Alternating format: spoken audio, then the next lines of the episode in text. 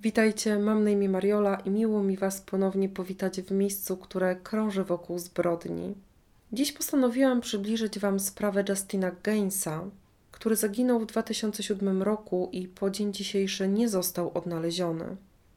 Justin urodził się 31 marca 1989 roku w Alirii na terenie stanu Ohio w Stanach Zjednoczonych. Związek jego rodziców nie przetrwał i gdy ten miał 3 lata, jego mama Erika wychowywała samotnie trzech synów. Ta pełna ciepła kobieta kierowała wtedy jednym z punktów sieci amerykańskich restauracji typu fast food Wendy's. Pewnego dnia po drugiej stronie ulicy, w punkcie tej samej firmy, zatrudniono Stevena Wilsona. Od pierwszej randki, która miała miejsce w Sylwestra, Erika i Steven byli nierozłączni. Pobrali się pięć miesięcy później, w maju 1993 roku, i przenieśli w rodzinne strony Wilsona do Smellville w Georgii. Stanowili dużą i wspaniałą rodzinę, gdyż Steven także wcześniej samotnie wychowywał trójkę synów. Justin dorastał więc otoczony piątką, a następnie szóstką rodzeństwa, gdy na świat przyszła jego siostra.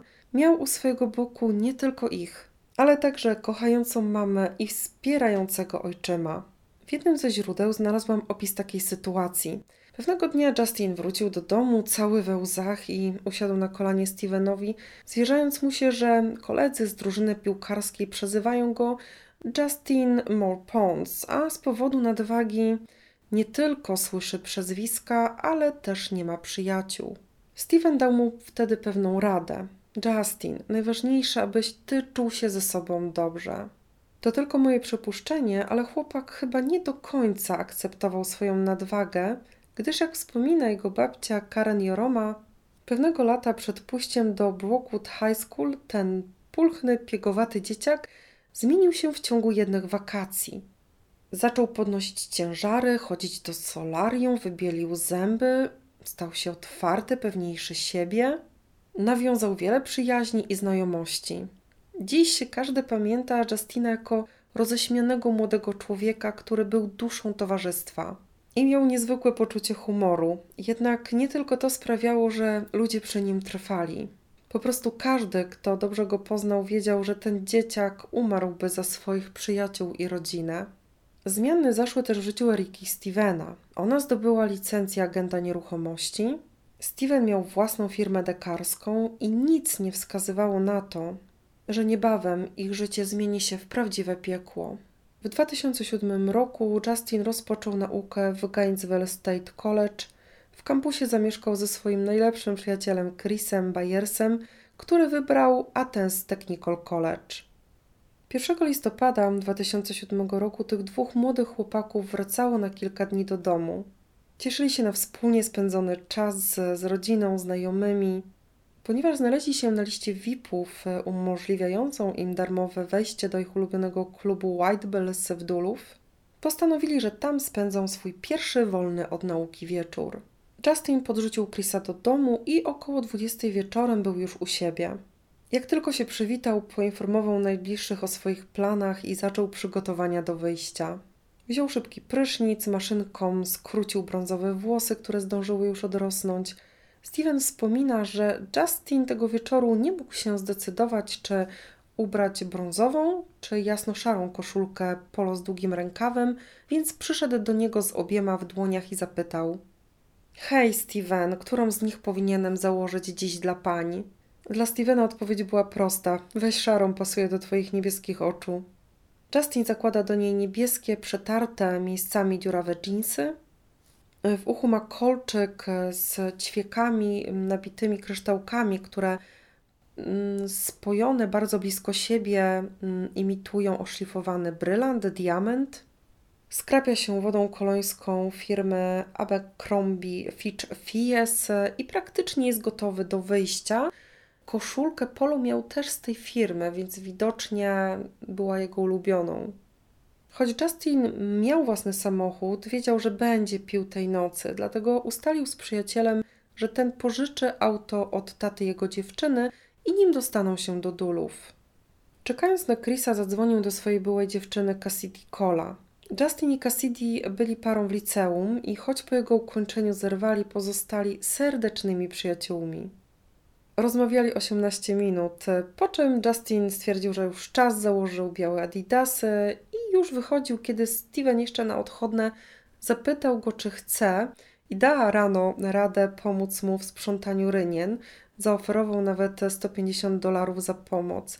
Justin zgadza się i wychodzi.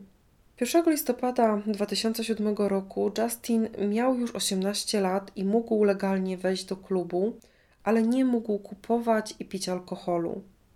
Jak później wykaże śledztwo, wychodząc zabrał ze sobą nie tylko pieniądze i telefon, ale także fałszywy dowód tożsamości, z którego wynikało, że ma już ukończone 21 lat, a co za tym idzie, może kupować i spożywać alkohol. Chęć spożywania go wpędziła Justina kilka miesięcy wcześniej w tarapaty, gdyż policyjny patrol odnalazł go pijanego, śpiącego na tylnym siedzeniu swojego suwa. Podczas tej kontroli odnaleziono przy nim także otwartą butelkę z alkoholem i fałszywy dowód tożsamości. Jak później wyznają jego znajomi, posiadał takie dwa. Jeden na nazwisko Braden Allen, drugi e, Brad Shawey. Oba wykorzystywał do zakupu alkoholu. W związku z tym wykroczeniem został oskarżony o posiadanie alkoholu przez nieletniego, fałszerstwo drugiego stopnia i posiadanie otwartego pojemnika z alkoholem. 21 listopada 2007 roku miała się rozpocząć rozprawa sądowa w tej sprawie. Klub, do którego Justin wybiera się z przyjaciółmi, jest oddalony od jego miejsca zamieszkania prawie 25 kilometrów. Jadą przez Quick Trip na Five Fox Road. Po drodze kupują Fantę, napój energetyzujący firmy Rusta Busta i niedrogą wódkę. W ciągu 15 minut jazdy krętą drogą do White Bells Justin wypija zmieszane ze sobą napoje, te mniej i bardziej procentowe. Dla niego jest to po prostu tańsza alternatywa niż drogi alkohol w klubie. Kiedy w końcu dotarli na miejsce, okazało się, że Wipowski bilet był ważny tylko do 23. Spóźnili się i nie uśmiechało im się płacić 10 dolarów za wstęp, dlatego postanowili wrócić do domu. Już mieli w komplecie odjeżdżać, kiedy znajomy Justina wręczył mu darmową wejściówkę dla gości. Gaines postanowił zostać. Powiedział przyjacielowi, że ten może spokojnie wracać, że na pewno znajdzie powrotną podwózkę do domu. Z nagrań wynika, że o 23.38 Justin był już w klubie, kamery uchwyciły go, jak rozmawia ze znajomymi. Jest uśmiechnięty, wyluzowany. O wpół do pierwszej widzimy, jak e, chłopak spokojnie, nieśledzony przez nikogo, kręci się z telefonem przy uchu w pobliżu wejścia do klubu. Jak wykaże późniejsze śledztwo, e, Justin zapewne z tego powodu, że obiecał Stevenowi pomóc rano w pracy, dość szybko zaczął szukać podwózki do domu. Pierwszy telefon wykonał do Cassidy, ale jest prawie pierwsza w nocy i niestety dziewczyna śpiąc nie słyszy połączenia. Justin próbuje dzwonić do innych znajomych, ale nikt nie odbiera. W końcu dzwoni do Clint'a, którego spotkał w klubie, nagrywa mu się na pocztę głosową. Clint wie, że kolega chce podwózki do domu. Ale jest późno, a on jest w drodze do domu, do Lorenzwell. O 1.58 postanawia, że nie wróci po niego. Dwie minuty później dzwoni do Michaela Puga, kolegi z drużyny piłkarskiej z liceum.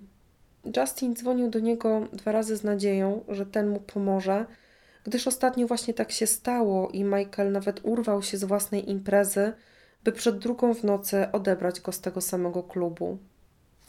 Niestety Michael śpi. Zmęczony po dostarczaniu przez 9 godzin pizzy w okolicach północnego Gwinnett, po prostu nie słyszy telefonu od kolegi. Tej nocy Justin wykonał aż 11 połączeń. Ostatni numer, jaki wybrał tuż po drugiej w nocy, należał do jego przyjaciela Chrisa.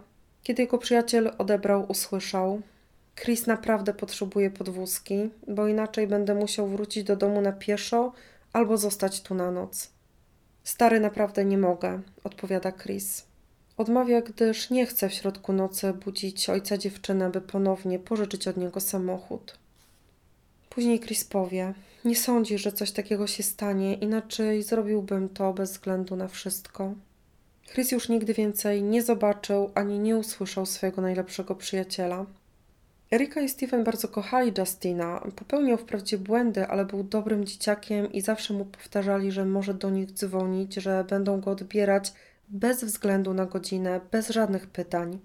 Nie wiemy, czy z powodu, jaki podejrzewa Erika, według której Justin nie zadzwonił, gdyż nie chciał rozczarować Stevena, czy dlatego, że jego telefon się rozładował lub celowo został przez kogoś wyłączony, ale nie poprosił ich tej nocy o pomoc. W trakcie dochodzenia udało się ustalić, o której mniej więcej Justin opuścił klub. Kwestią sporną jest, w jakim stanie to zrobił około 2.30. Jedni twierdzą, że był pijany, inni, że wydawał się czymś odurzony, a jego kolega Clint przekazał, że gdy się widzieli, wydawał mu się trzeźwy. Te wszystkie rozbieżności mogą wynikać z faktu, że tamtej nocy bawiło się tam ponad 2000 osób.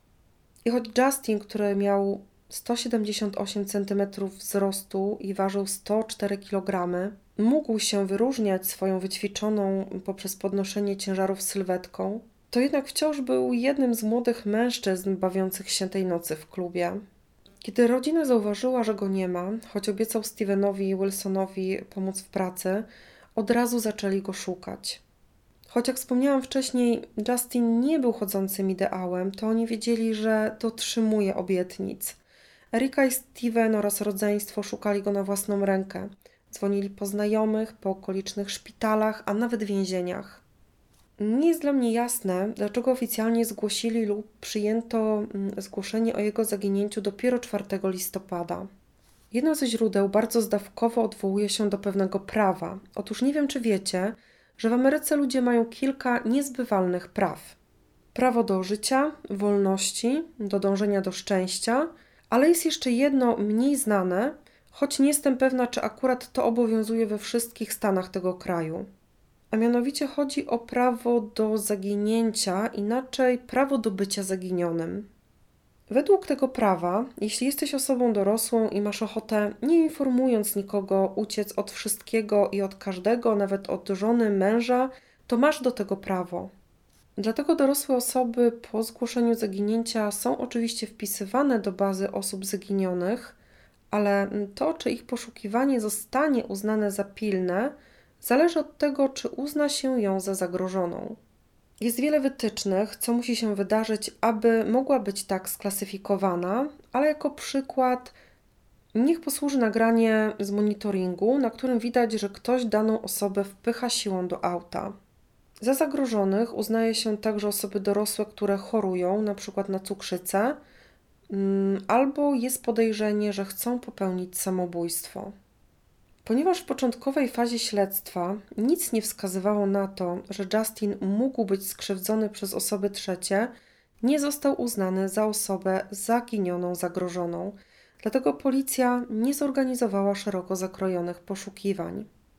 Niestety nie pomogły media, które po tym, gdy dotarły do informacji o zbliżającej się rozprawie, rozpowszechniały hipotetyczną wersję, według której chłopak chcąc uniknąć odpowiedzialności, świadomie uciekł, posługując się fałszywym dokumentem tożsamości. W to absolutnie nie wierzyli jego bliscy, podkreślając, że nie czuł obawy, że nie był dezerterem, a znajomi, do których dodzwonił się tej nocy Justin, zeznali, że jedyne, czego bardzo chciał, to wrócić do dwupiętrowego rodzinnego domu przy Wayne Drive. Rodzina Justina nie poddała się i choć jak wspomina Erika Wilson, policja hrabstwa Gwynedd nie była zobowiązana do szukania go, to oni zrobili wszystko, aby te działania się rozpoczęły. Na własnym parkingu stawili biurko, które otoczyli namiotem z moskitierą i stworzyli pierwsze centrum dowodzenia.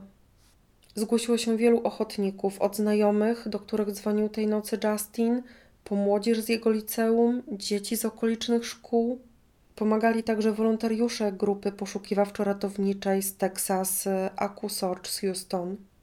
Dość szybko przeniesiono centrum dowodzenia do sali konferencyjnej kościoła metodystów przy Pleasant Hill Road w Duluth. Największe poszukiwania rozpoczęły się 10 listopada. Podzielono tysiące akrów terenu w okręgu ponad 6 km od klubu na 68 części które ponad 200 wolontariuszy ramię w ramię sukcesywnie przeczesywało.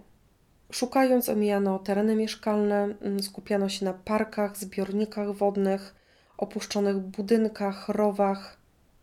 Podczas tych poszukiwań ciocia Justina, Kelly McGill, powiedziała: Jeśli znajdziemy coś podejrzanego, zabezpieczymy to dla policji. Miejmy nadzieję, że Justin wróci do domu. A mama Justina dodała: Potrzebujemy go z powrotem. Potrzebujemy go z powrotem. Wszyscy bardzo za nim tęsknimy. Na początku rodzina i przyjaciele byli pewni, że znajdą Justina bezpiecznego. Niestety mijały kolejne dni i nie natrafiono na żadną wskazówkę, która mogłaby choć ukierunkować poszukiwania i śledztwo w jakąś konkretną stronę.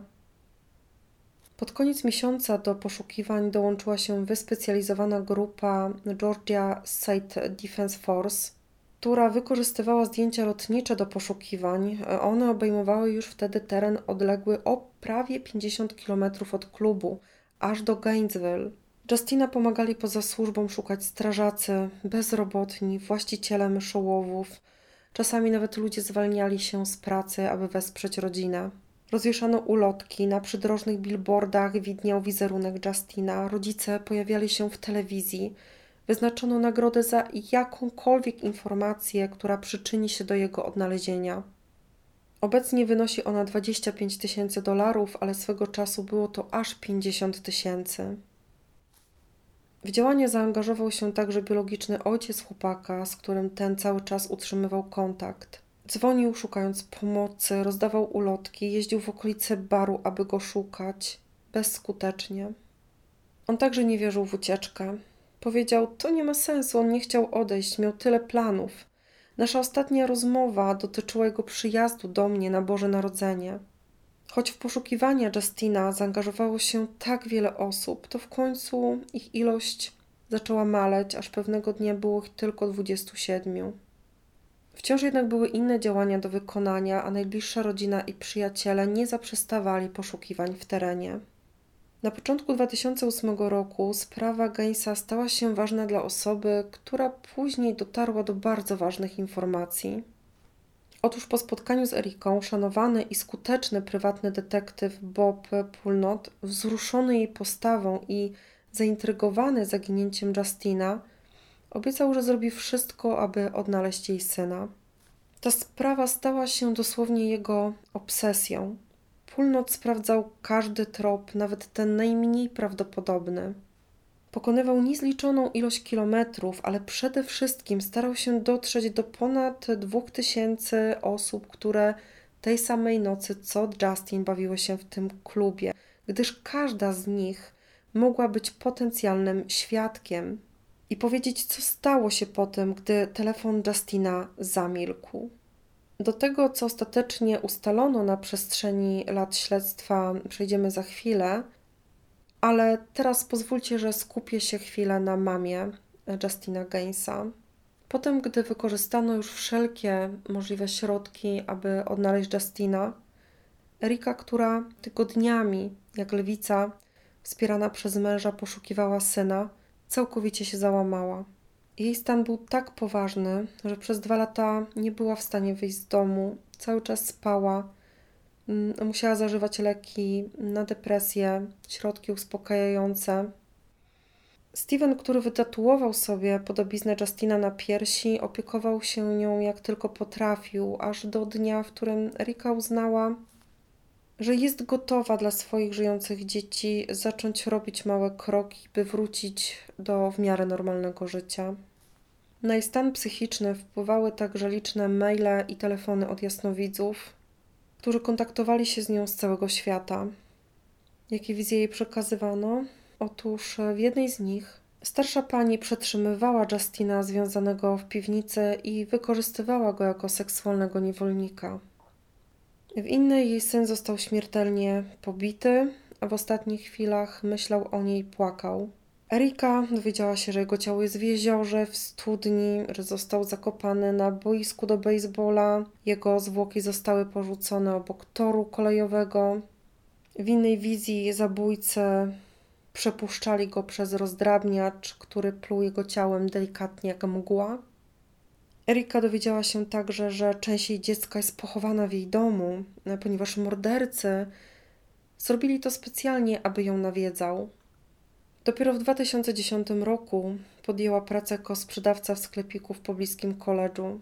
Ponieważ miała kierownicze doświadczenie, proponowano jej takie stanowisko, ale nie wyraziła zgody. Ta prosta zadaniowa praca to było wszystko, na co mogła się zdobyć. Kiedy tłumaczyłam źródła w tej sprawie, miałam nadzieję, że to podjęcie pracy, wyjście do ludzi da Erice odrobinę takiej zwykłej codzienności i pozwoli małymi krokami zacząć cieszyć się życiem. Niestety, pięć miesięcy później na rodzinę Wilsonów spadł kolejny straszny cios. Justin miał młodszego brata. Jeremy w 2011 roku miał 19 lat. Jako utalentowany młody człowiek chciał zostać grafikiem i rozpoczął właśnie studia w tym kierunku. Uwielbiał spędzać czas przy grach wideo, miał dziewczynę i nic nie zapowiadało tego, że najbliżsi odnajdą go z reklamówką na twarzy, uduszonego sznurówką przywiązaną do klamki w jego pokoju. Śledczy, choć Jeremy nie zostawił żadnego listu pożegnalnego, a nic nie wskazywało, aby chciał odebrać sobie życie, uznali to za samobójstwo. Jego rodzina w to nie wierzy. Steven odkrył, że zainteresował się on reakcją na chwilowe odcięcie, zmniejszenie dopływu tlenu i uważa, że Jeremy zmarł eksperymentując. Do Eriki, ponieważ jest fantastyczną kobietą, y, za chwilkę wrócimy, ale teraz skupmy się na postępach w śledztwie. Jak pamiętacie, sprawą zajął się Bob Pulnot, który sprawdzał każdą pogłoskę, wskazany trop. Próbował także odnaleźć osoby, które bawiły się tej samej nocy w klubie co Justin. Od ochroniarza dowiedział się, jak już wiemy, że opuścił klub w dobrym nastroju około 2.30. Od osoby pracującej na parkingu, że znalazł w końcu transport do domu. Detektyw znalazł także świadka, który widział go przy samochodzie, takim białym, dostawczym, obok którego stała blondynka w czarnej sukience. Pulnot robił coś jeszcze. Kiedy już udało mu się namierzyć potencjalnego świadka, sprawdzał, czy ma media społecznościowe. Jeśli tak, to co na nich publikował. Wprawny śledczy wie, że tym sposobem można wyłapać drobnostki, ale czasami także ważne informacje. Pewnego dnia sprawdzał media Dylana Glassa, znanego policji recydywisty, i zauważył, że dzień po zniknięciu Justina ten opublikował zdjęcie, na którym widać w jego uchu identyczny kolczyk jak u zaginionego. Bardzo dobrze go pamiętał, bo był mega specyficzny. Te kilka ćwieków z kryształkami imitującymi kształt diamentu, brylantu. Wszystko się zgadzało. Wielkość, kształt, kolor. Jego tętno przyspieszyło. Ponieważ w 2008 lub w 2011 roku, tu muszę Was przeprosić za brak konkretnej daty, ale źródła bardzo różnie podają informacje o tym fakcie. Glass odbywał wyrok pozbawienia wolności z powodu innego przestępstwa. Dlatego detektyw szybko go namierzył i mógł go przesłuchać. Dylan przyparty do muru wyznał, że wie, jak wyglądały ostatnie chwile życia Justina i według niego Justin Gaines został zwabiony w celach rabunkowych przez dziewczynę do dostawczego busa w białym kolorze. Przekonała go, aby udał się z nią na prywatną imprezę, która odbywała się w Smellville, bardzo blisko jego rodzinnego domu. Gdy tylko auto wjechało do garażu, Justin został napadnięty był bity, duszony, a na końcu został zastrzelony przez Martina Wilkie, który także był doskonale znany policji hrabstwa Gwynedd. Glass przyznał się do wyjęcia kolczyka z ucha Justina, ale powiedział, że wyjmował go już z jego ciała, gdy ten nie żył i że on nie ma nic wspólnego z jego zabójstwem. Nagrał nawet filmik, w którym zwraca się do osób, które brały udział w planie rabunku i morderstwie, aby się przyznały i dały zakończenie rodzinie Justina. Idąc dalej jego wersją, sprawcy, mm, potem gdy go zamordowali, zawinęli jego ciało w folię i przewieźli je do doku przy Lake Lenie. Następnie przerzucili je na łódź, a z niej wrzucili zwłoki w odmęty wody. Ponieważ jako recydywiści wiedzieli, że ciało może wypłynąć, patrolowali jezioro. Kiedy ich obawy się spełniły i zwłoki wypłynęły na powierzchnię, umieścili je w czarnej skrzyni na narzędzia i przewieźli w odległe miejsce. W tym momencie mogłoby się wydawać, że sprawa jest jasna i tak naprawdę gotowa do zakończenia. No, ile znamy spraw, które zostały zamknięte na podstawie zeznań jednego świadka? Jednak akurat w tym przypadku nie jest to takie proste. Po pierwsze, mężczyzna, do którego należał wspomniany samochód, nie żyje, a auto zaginęło. Na kolczyku nie odnaleziono DNA Justina. Oskarżony przez Glasa o morderstwo Wilki nie przyznaje się do zarzucanych mu czynów, oskarżono go nawet o utrudnianie śledztwa z tego powodu. Przez wszystkie lata śledztwa każdy aresztowany rzezimieszek w hrabstwie e, twierdził, że wie coś na temat śmierci Justina. Nic dziwnego, że Danny Porter, prokurator okręgu Gwinnett, oświadczył, że nie udało mu się przekonać szefa do wystawienia aktu oskarżenia. A to dlatego, że jest tak wiele niespójności w zeznaniach, były one tak często zmieniane i wyłapano tak wiele kłamstw, że no, jest to po prostu możliwe. A przykład kłamstwa? Kiedy we wrześniu 2015 roku Telmę Baliu, matkę Dylana Glasa, złapano na włamaniu, próbując coś ugrać, zeznała, że dużo wie, gdyż pomagała synowi w przewiezieniu w odludne miejsce zwłok Justina. Wskazała konkretny teren w pobliżu rzeki Apalachee po wschodniej stronie hrabstwa Walton. Według niej skrzynia z ciałem Justina została tam wrzucona do jednej ze studni. Zorganizowano wielkie, kosztowne wykopaliska, wysuszono i przeszukano studnie znajdujące się na tym terenie, niestety bezskutecznie. Po tym, gdy nie odnaleziono ciała Justina, oczywiście wyznała, że skłamała, została nawet oskarżona o składanie fałszywych zeznań. Oczywiście w związku z odkryciami, jakich dokonał detektyw, zmieniono kwalifikację zaginięcia Justina. Na dzień dzisiejszy wiem, że udało się im dotrzeć do kolejnych świadków, że sprawa nie została zamknięta i śledczy robią wszystko, by odnaleźć Justina i dać rodzinie zakończenie.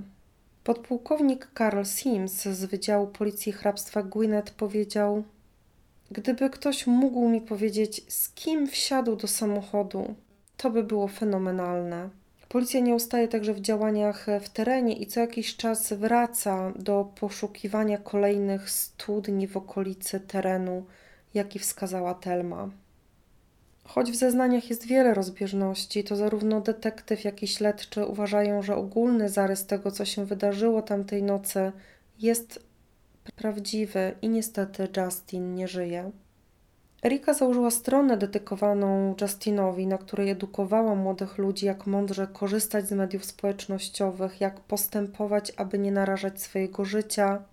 Nie mogłam jej otworzyć w Polsce, poprosiłam więc dwie osoby mieszkające w Stanach Zjednoczonych i także im się nie udało.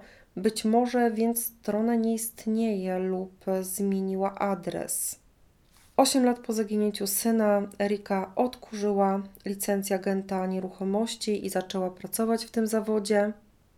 Nadal udziela się w mediach i deklaruje, że nigdy nie przestanie szukać swojego syna.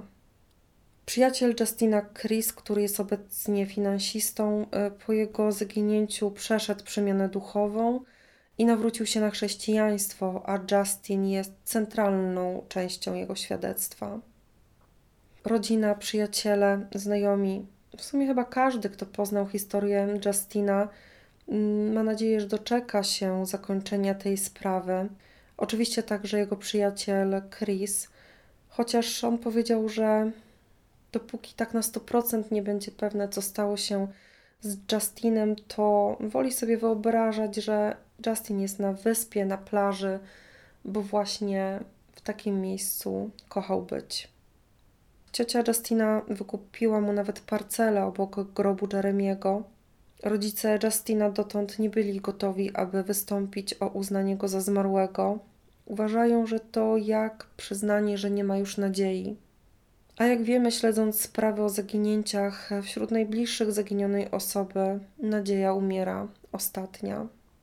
Bardzo Wam dziękuję za to, że dotrwaliście do końca tego materiału. Jeśli słyszycie mnie po raz pierwszy, to zapraszam także na mój kanał Kartoteka, gdzie w skrócie mm, z oprawą wizualną przedstawiłam tę sprawę. Tam będziecie mogli zobaczyć tego uśmiechniętego, uroczego młodego człowieka, o którym dziś Wam mówiłam. Przyznam szczerze, nie dziwię się, że potrafił zjednować ludzi. Kiedy patrzyłam na jego zdjęcia, czułam, że gdybym go spotkała, także bardzo bym go polubiła. Jestem także na Spotify. Zresztą pod każdym materiałem zawsze znajdziecie wszystkie linki e, i możecie wybrać, w którym miejscu, w jaki sposób chcecie się ze sprawami zapoznawać. Także żegnamy się i do usłyszenia niebawem.